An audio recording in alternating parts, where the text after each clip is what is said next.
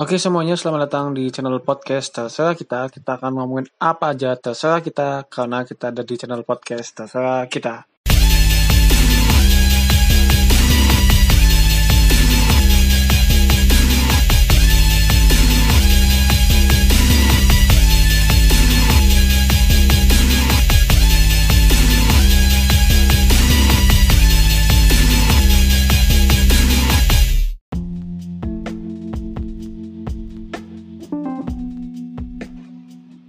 Oke, balik lagi channel podcast terserah kita. Dan hari ini saya mau bahas sesuatu di konten kata kita. Jadi saya mau bahas tentang tema yang sebenarnya uh, itu mungkin mungkin ya mungkin saya sendiri bukan expert di bidangnya atau mungkin ada banyak orang yang sebenarnya punya potensi lebih untuk bahas ini saya ngerasa juga kayaknya nggak pengen bahas ini tapi ya mau gimana lagi mungkin karena keresahan saya akhir-akhir ini ya kan? Dan juga sebenarnya saya itu akhir-akhir ini kan karena membatasi informasi dalam artian nggak semua berita atau nggak begitu intens di media sosial hanya berita-berita tertentu yang saya baca atau mungkin media sosial juga bukanya nggak terlalu sering seperti biasanya. Jadi intinya mengelola informasi agar otak kita nggak isinya negatif semua.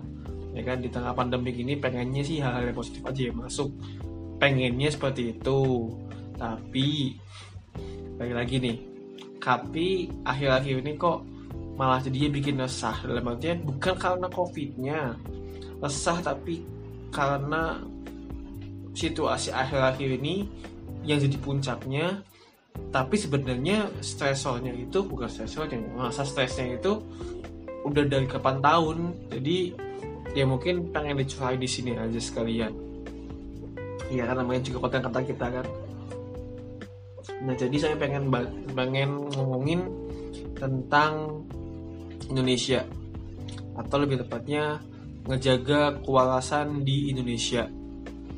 Kenapa sih ngomong kayak gitu? Karena kesan-kesannya justru malah lebih lebih pan lebih condong itu situasi Indonesia akhir-akhir ini bukan ya emang ngaruh dari covid tapi kenapa bisa kok kayak gini rasanya ya kan pertama dari pengen pengen bahas dulu bahwa ternyata dulu itu saya bukan dulu ya jadi saya itu bangga bangga banget senang banget uh, ngelihat pembangunan-pembangunan uh, di Indonesia ya kan yang dipelopori oleh pemerintahan sekarang dalam artian udah berarti enam tahun ini lima tahun enam tahun ini jalan itu pembangunan-pembangunan ya kan pembuatan infrastruktur di Jawa di Kalimantan di di Papua Sumatera Sulawesi itu kan ibaratnya hampir merata dan itu ibaratnya kayak ngasih masa depan lah buat buat Indonesia.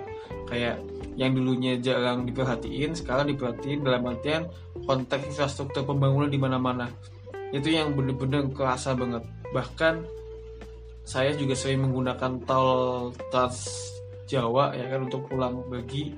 Karena emang ngaruh banget. Pembangunan tuh ngaruh banget. Akses tuh ngaruh banget. Dan support banget uh, pemerintah itu senang banget. Pemerintah itu ngelakuin hal itu. Ditambah pemerintah itu ya akhir-akhir ini kan ibaratnya kayak uh, mensupport banget para milenial kaum kaum muda buat ayo bergerak terus ayo berkarya terus dan seperti difasilitasi anak muda ya kan? Datangin influencer ke istana terus jadi para milenial milenial ini sebagai staf khusus presiden atau mungkin di tempat-tempat strategis lainnya walaupun bukan di di bukan di pemerintahan pusat tapi mungkin beberapa di pemerintahan daerah itu kan seperti Jawa Barat juga ada Jabar Future Leaders itu kan jadi ibaratnya anak-anak muda itu dipersiapkan dipantau dan ibaratnya dikawal supaya oke okay, besok akan ada pembangunan atau akan ada banyak sekali hal-hal yang sudah disiapkan pemerintah. Dan kita bakal tinggal menikmati aja kan. Itu sih harapannya. Itu sih ibaratnya konsep yang dibuat ya kan dimatangkan seperti itu. Yang ibaratnya sangat cepat sangat senang banget kan. Apalagi kan kemarin-kemarin dari kita juga seperti hebohkan dengan adanya UN dihapuskan. Ya ini bahasa sendiri lah ini yang UN dihapuskan kan pembahasannya tentang pendidikan.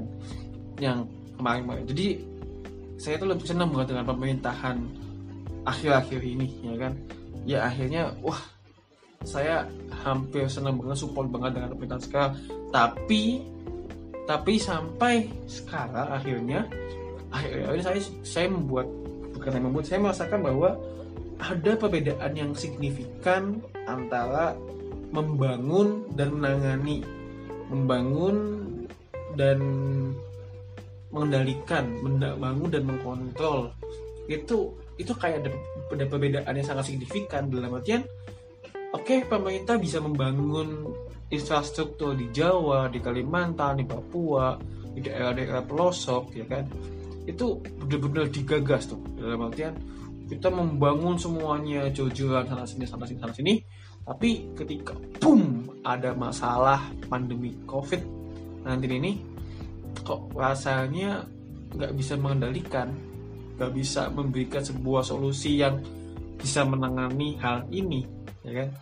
Jadi kayak pemerintah itu ya dari kemarin kayak kayak rasanya kayak bulan tiga minggu ini kayak muter muter muter muter muter tapi nggak ada dalam artinya nggak ada hal yang pasti dilakukan yang berdampak. Hal, ada yang dilakukan tapi kok yang berdampak signifikan tuh nggak kelihatan gitu kan kayak kayak contohnya lockdown ya setengah-setengah PSBB lalu ada apa namanya kalau wilayah juga akhirnya dijadi pro kontra ya kan antara pemerintah dan pemerintah daerah.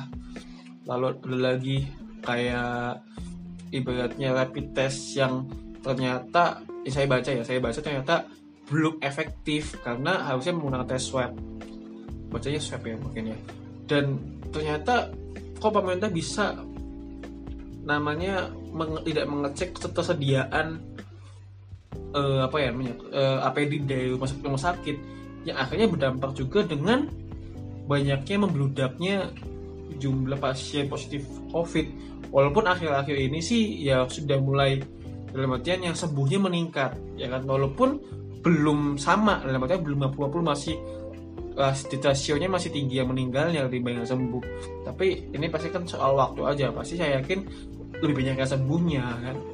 Tapi baik lagi pemerintah kayak gak siap dengan hal ini. Maka bahkan sebelumnya sempat ngeremehin masalah COVID-19 ini. Sempat ada meme tuh ibaratnya kayak apa namanya uh, kita menyepelekan adanya COVID-19 ya kan? bahkan statement-statement jajaran pemerintah itu ya seperti menyepelekan COVID-19 ini nggak nggak menanggapi serius nggak mewaspadai ya kan?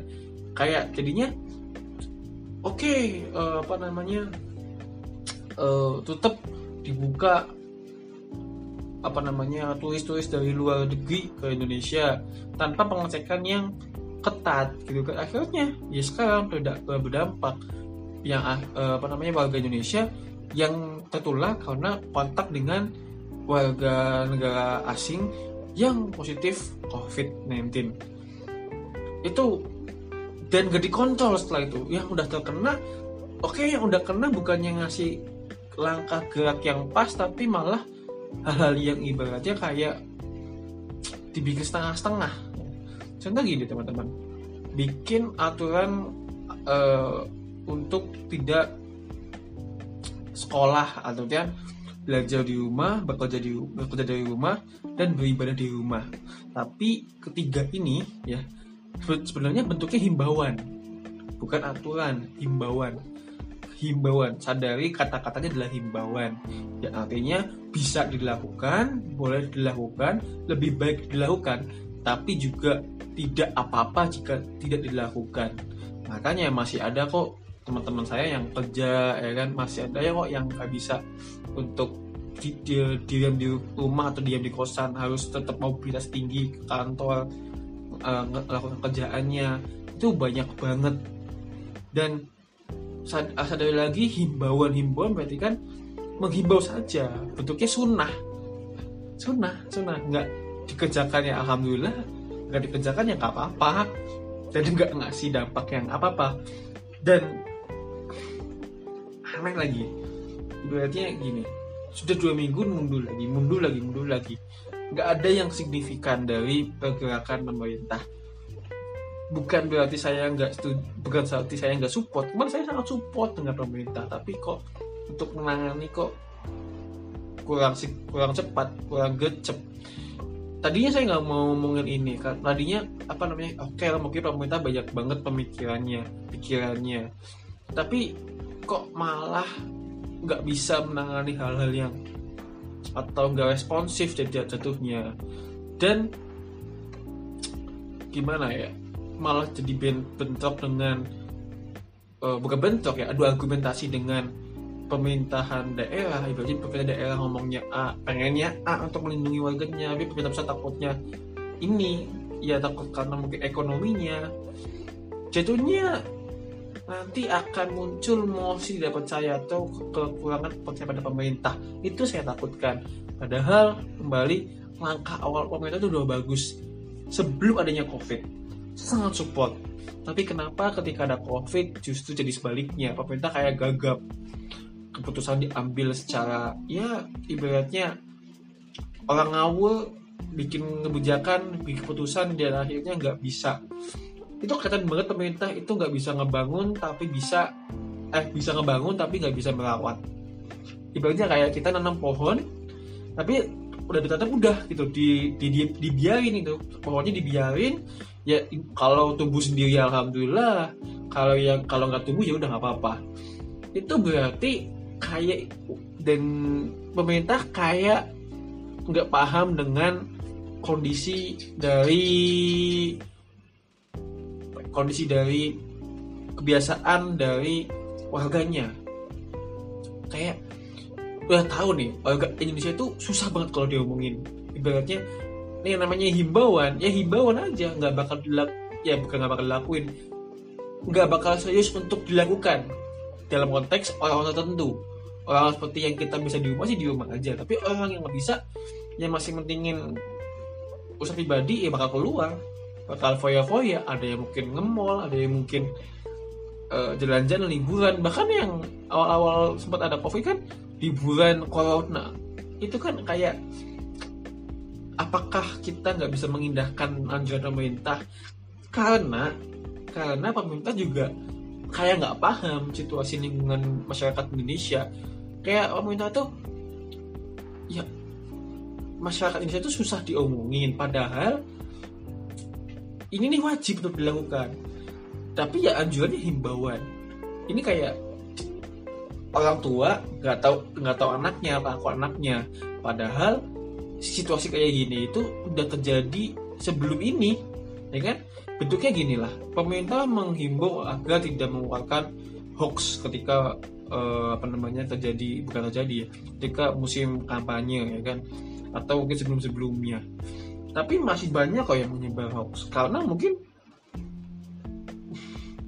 masyarakatnya ya suka dengan seperti itu tapi tidak mengindahkan apa kata pemerintah. Karena sadari bentuknya bukan aturan yang mengikat tapi hanya sebatas imbauan ya kan? Ya harusnya dalam kondisi kayak gini pemerintah harus sadar gimana situasi atau lingkungannya kayak gimana dan bisa mengantisipasinya. Jangan ibaratnya bikin bikin anjuran yang itu nantinya pada dasarnya akan kembali ke masyarakatnya. Kalau masyarakatnya itu ibaratnya kayak di Cina di Korea di Rusia yang udah paham udah sadar udah tahu pentingnya ya kan? Udah tahu ibaratnya aturan pemerintah untuk kebaikan bersama ya nggak bakal jadi otomatis. Tapi bayangin deh 200 juta lebih penduduk Indonesia. Dan nggak akan semuanya bisa seperti itu. Yang ibaratnya dari Sabang sampai Merauke ya kan? Itu banyak banget suku-sukunya. Perbedaan uh, pemerataan kondisinya juga beda-beda ya kan? Yang notabene orang Jawa tuh lebih banyak uh, apa namanya lebih banyak atau lebih tinggi uh, tingkat edukasinya sedangkan di luar Jawa mungkin mungkin ya mungkin ini masih belum seperti Jawa. Dan atau mungkin kebalikannya yang di Kalimantan Sumatera mungkin lebih maju dalam bidang uh, pemahamannya atau mungkin lebih Jawa yang lebih gampang terkomporin ya itu kembali perbedaan perbedaan yang sangat-sangat banyak. Dan itu nggak di apa ya nggak diperhatikan. Bukan nggak diperhatikan ya kalau bilang bilang berarti kayak mungkin pemerintah banget kayak tidak mengetahui langkah yang tepat untuk warganya. Entah apa yang dipikirin. Mungkin takut ekonominya anjlok tapi dia anjlok. Mungkin takut Indonesia rugi tapi ya mau nggak mau rugi. Karena semua negara pun pasti mengalami hal yang sama. Bahkan Cina aja Korea aja Inggris aja itu mengalami gonjang ganjing. Bahkan Italia juga gonjang ganjing. Kenapa Indonesia kayak masih gimana ya masih kurang bisa uh, tetap beradaptasi ya kayak padahal udah banyak contoh-contoh.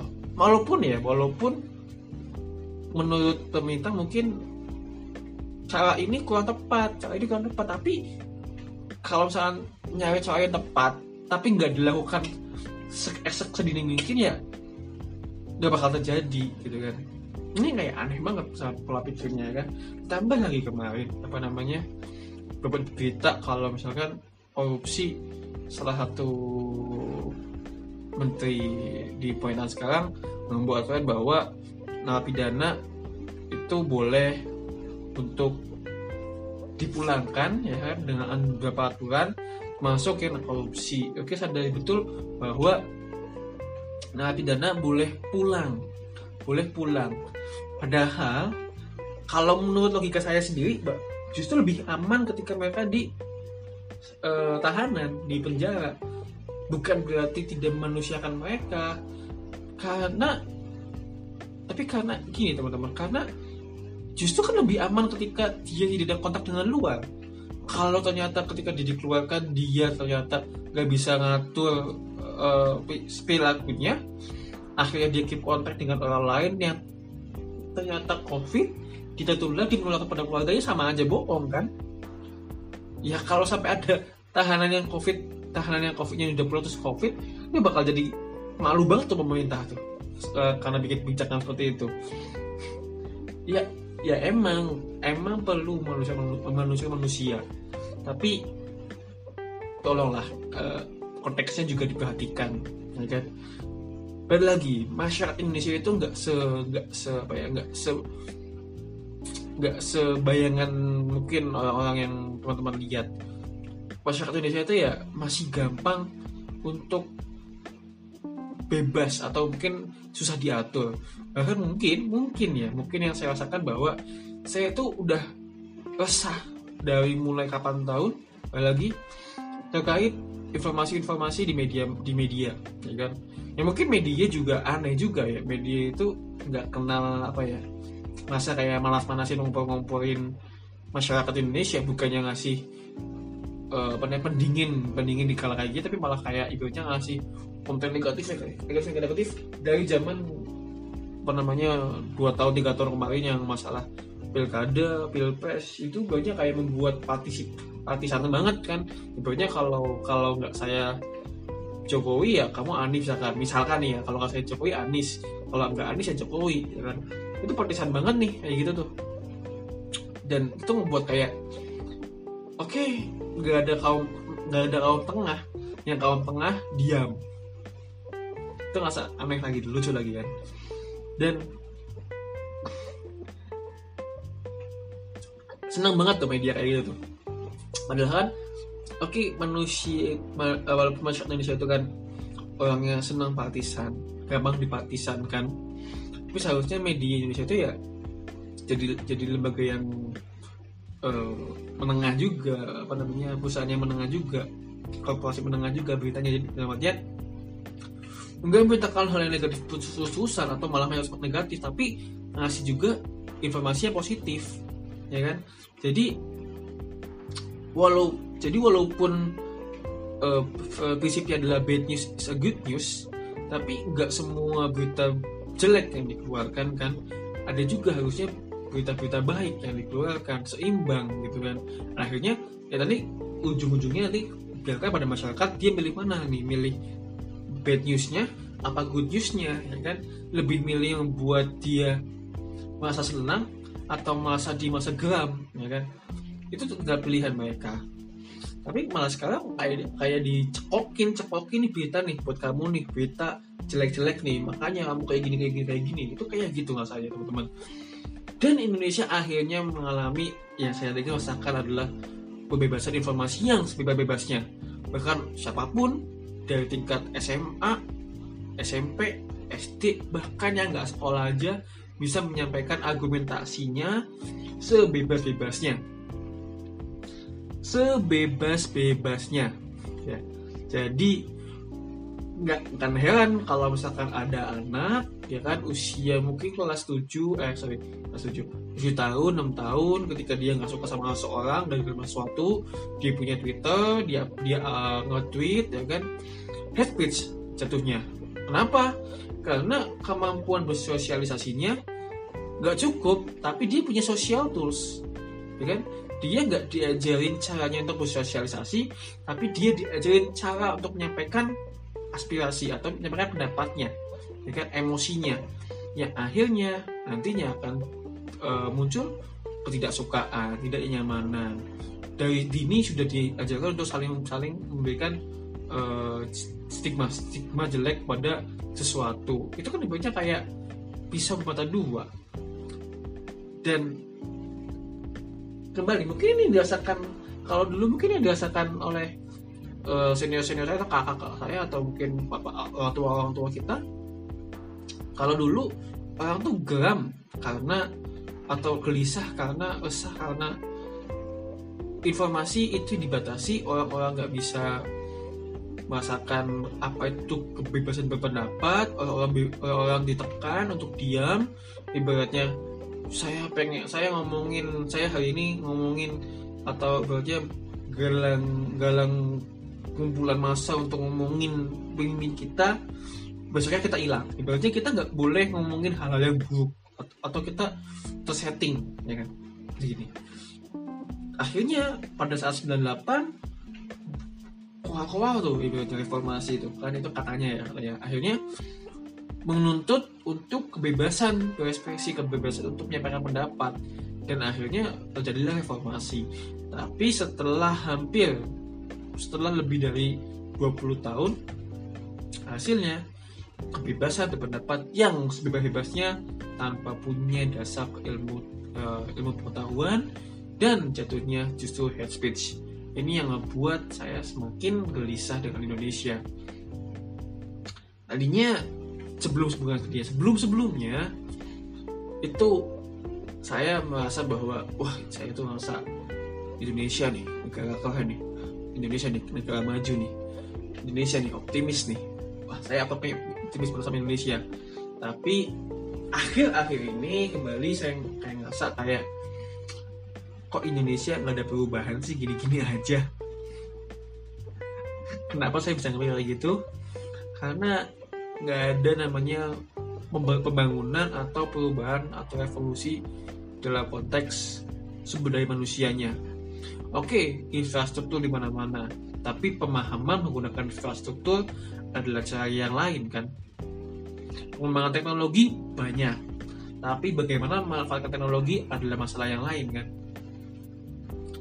Contoh gampangnya gini teman-teman, balik lagi ya. Banyak yang protes akhir-akhir ini karena pandemi ini efek dari pandemi ini. Salah satunya adalah kuliah atau belajar di belajar di rumah kuliah online. Atau mungkin ada yang bilang e, daring ada yang bilang kulon ya apalah itu namanya.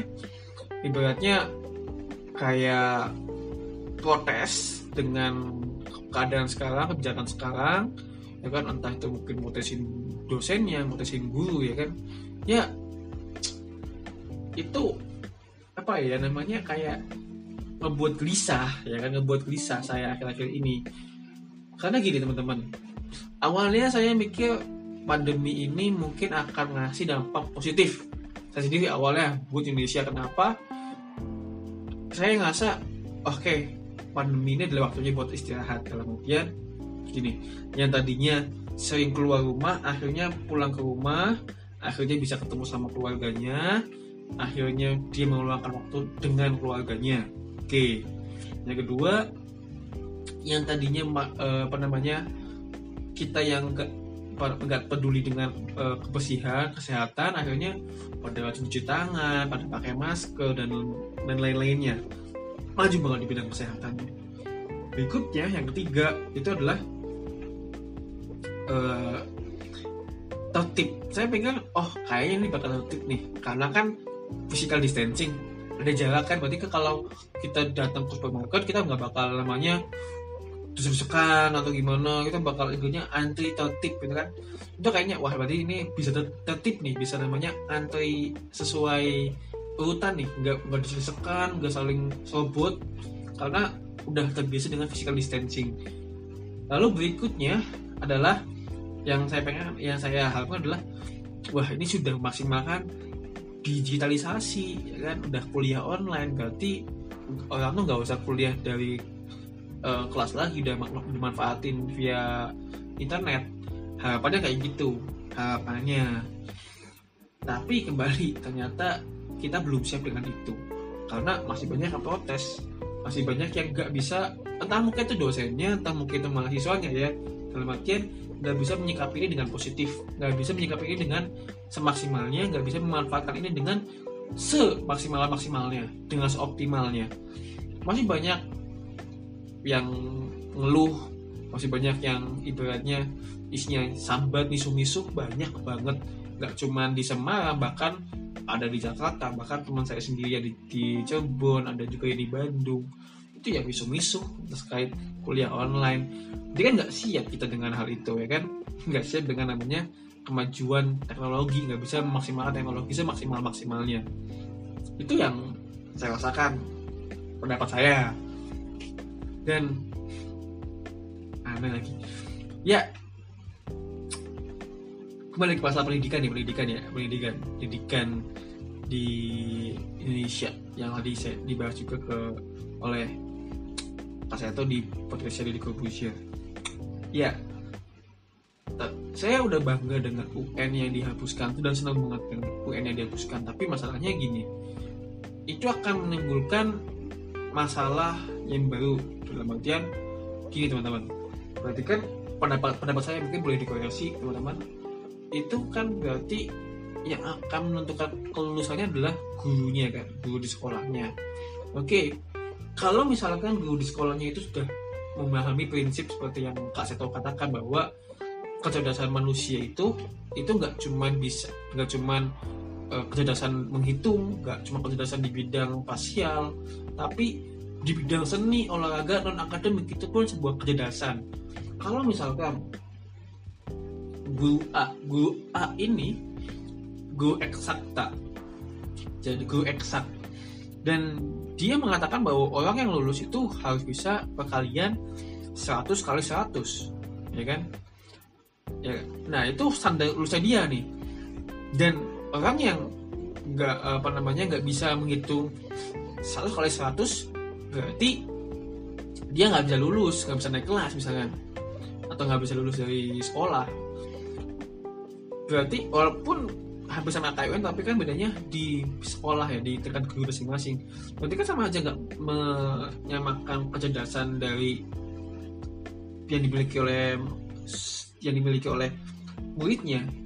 Bukannya saya pesimis tapi saya apa ya masih kurang yakin guru-guru di Indonesia itu masih atau mempunyai loyalitas di bidang keguruannya. Bukan berarti saya mendiskreditkan gurunya guru-guru di Indonesia. Tapi pernah dibilang bahwa guru itu bisa menjadi teman tapi bisa menjadi musuh. Kenapa saya bilang kayak gitu? Karena tadi aja e, dibahas juga bahwa kalau misalkan guru ya karena nggak datang ke kelas nggak bisa ngajar. Entah karena sakit entah karena apa. Kayaknya kayaknya nih ya kayaknya teman-teman nih teman-teman. Siswa itu atau murid itu bakal seneng bahagia happy atau malah malah sedih. Kebanyakan di sekolah malah seneng. Fakta fakta menjawab bahwa guru itu jadi musuh musuh kan kalau musuh kan seneng kalau nggak ada musuh kan seneng kan happy kan kalau ada musuh. Tapi kalau ada musuh oh yang cemburu cowoknya kesel capek kan ibaratnya kayak gitu. Berarti kan dianggap musuh bukan dianggap teman. Tapi ada juga sih guru-guru yang ibaratnya humble dengan siswanya mahasiswa uh, siswanya. Ya jadi saya harapannya juga untuk yang ibaratnya UN ini gurunya juga ditingkatkan ditingkatkan untuk bagaimana mengetahui potensi dari murid-muridnya. Jangan sampai ujung-ujungnya justru standarnya adalah standar guru. Padahal yang jadi aset itu adalah siswa. Yang jadi aset aset adalah murid. Karena yang akan untuk yang akan mensukseskan atau akan meneruskan kehidupan itu adalah muridnya bukan gurunya. Kalau gurunya udah pasti dia akan jadi pengajar ya kan? Tapi kalau kalau siswa dia punya potensi untuk jadi seorang seniman jadi seorang atlet jadi seorang ilmuwan jadi seorang psikolog, jadi seorang presiden itu adalah hal yang potensial dari seorang murid gitu kan yang harusnya bisa dimaksimalkan. Tapi balik lagi apakah sudah siap dengan hal itu semua? Kalaupun ya siap saya doakan. Kalau belum ya cari sebuah apa cari solusinya kan. Dan saya kan saya optimis untuk tidak pendidikan. Oke nah, balik lagi. Sekarang balik lagi di pandemi.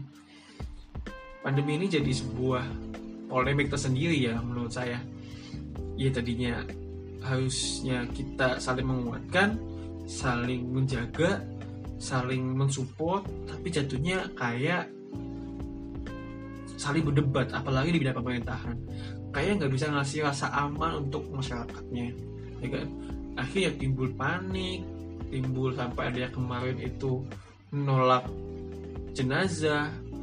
Itu kayak gimana ya stigmatisasi masyarakatnya masih ada pemerintahnya nggak ngasih edukasi yang ibaratnya bisa menenangkan. Ya balik lagi ada perbedaan antara membangun dan juga menangani. Pemerintah menurut saya sekarang hanya bisa membangun tapi belum bisa menangani. Atau mungkin belum maksimal dalam penanganan. Ya itulah Indonesia. Pemerintah ya. Balik lagi. Itu ibaratnya kayak gini teman-teman. Kalian punya anak ya sorry bukan anak. Kita ada ada suami istri. Suami istri itu kalau membangun atau membuat ya istilahnya kan membuat itu lebih mudah ketimbang kan? Ini suami istri bikin bikin an, bikin anak ya kan? Pada malam pada satu malam kan? Dia pada malam itu bergaul akhirnya menitipkan yang si, si suami itu menitipkan sperma ke sel telur si istri dan jadilah seorang uh, anak atau mungkin istrinya hamil dulu. Membuat segampang itu nggak ada proses artian lebih dari 12 jam menurut saya. Ini menurut uh, bukan menurut saya. Ini kamu apa namanya ya pengetahuan saya. Mungkin yang bisa mengoreksi sistem ini. Dan itu membuat tapi merawat beda lagi yang istri harus menjaga kehamilan selama 9 bulan. Setelah itu udah lahir.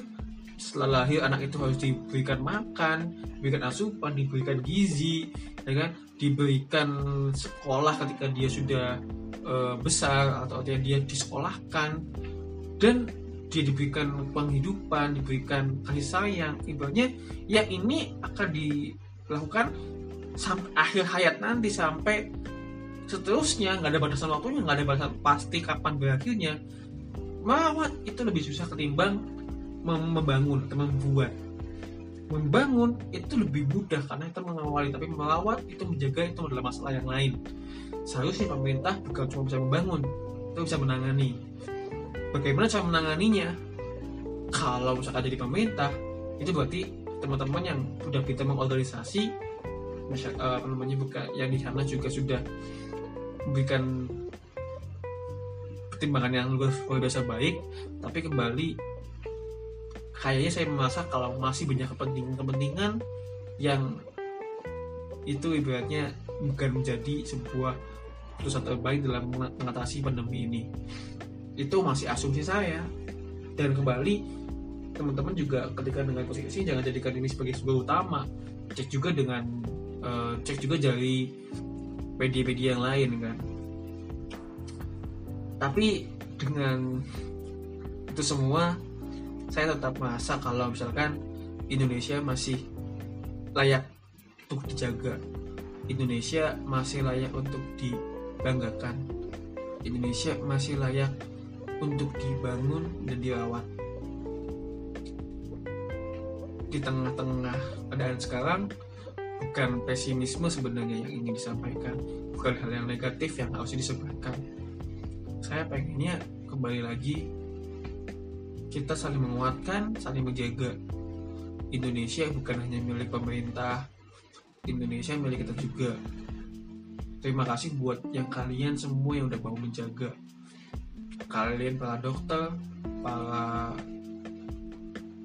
orang-orang yang bekerja di lapangan yang ibaratnya tiap hari punya resiko respect saya respect dari saya untuk kalian semua. Dan Indonesia masih layak diperjuangkan. Walaupun dengan banyak masalahnya kita harus saling menguatkan. Enggak termakan provokasi enggak termakan ibaratnya uh, berita-berita hoax. Kita saling menjaga kita saling uh, memberikan pandangan agar tadi informasi-informasi itu bisa membuat kita waras. Jangan sampai di tengah pandemi ini justru kita nggak waras. Kita jadi ibaratnya nggak punya kemanusiaan. Kadang-kadang kita termakan dengan kata-kata memanusiakan manusia yang intinya malah justru menginginkan kita dimanusiakan. Padahal memanusiakan manusia menurut saya adalah kita memanusiakan orang lain. Tapi kita walaupun tidak dimanusiakan orang lain tapi kita harus bisa memanusiakan mereka. Kenapa saya kuncinya di mereka bukan di kitanya? Karena ketika kita sudah memanusiakan dia sudah pasti nantinya kita akan dimanusiakan. Bukan walaupun bukan oleh dia tapi mungkin oleh orang lain. Manusia kan manusia bukan berarti kita menjadi humanis yang full humanis. Tapi kita tahu bagaimana cara menghadapi orang-orang. Kita punya akal kita punya ibaratnya punya emosi yang itu sebenarnya akan saling menguatkan ketika kita tahu bagaimana cara manusia manusia. Bukan dimanusiakan manusia. Sadari konteksnya memanusiakan manusia bukan dimanusiakan manusia semoga ini bisa jadi sebuah pandangan dan tidak jadi pandangan yang utama karena masih ada juga pandangan-pandangan yang lain. Dan semoga di tengah-tengah pandemi ini nggak akan terjadi krisis kemanusiaan setelah ini.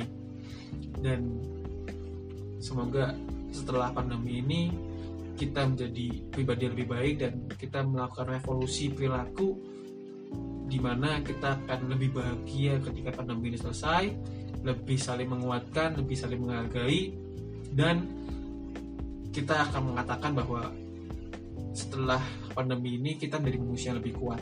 Dan ceritakan kekuatan, ceritakan pengalaman, dan ceritakan kebahagiaan ketika kalian telah melewati pandemi COVID-19 ini atau kita akan berjumpa atau kita akan saling menceritakan pengalaman kita dan saling menguatkan. Terima kasih untuk pendengar podcast terserah kita. Semoga enak dengar dan sudah hampir 40 menit saya bicara dan ini sudah waktunya sebenarnya saya tag ini tag uh, audio ini adalah jam 3 pagi. Mohon maaf kalau misalkan suara saya agak serak atau mungkin ada suara-suara distorsi yang lain. Dan selamat menikmati. Sampai jumpa di podcast terserah kita. Kita akan ngomongin apa aja terserah kita karena kita ada di channel podcast terserah kita.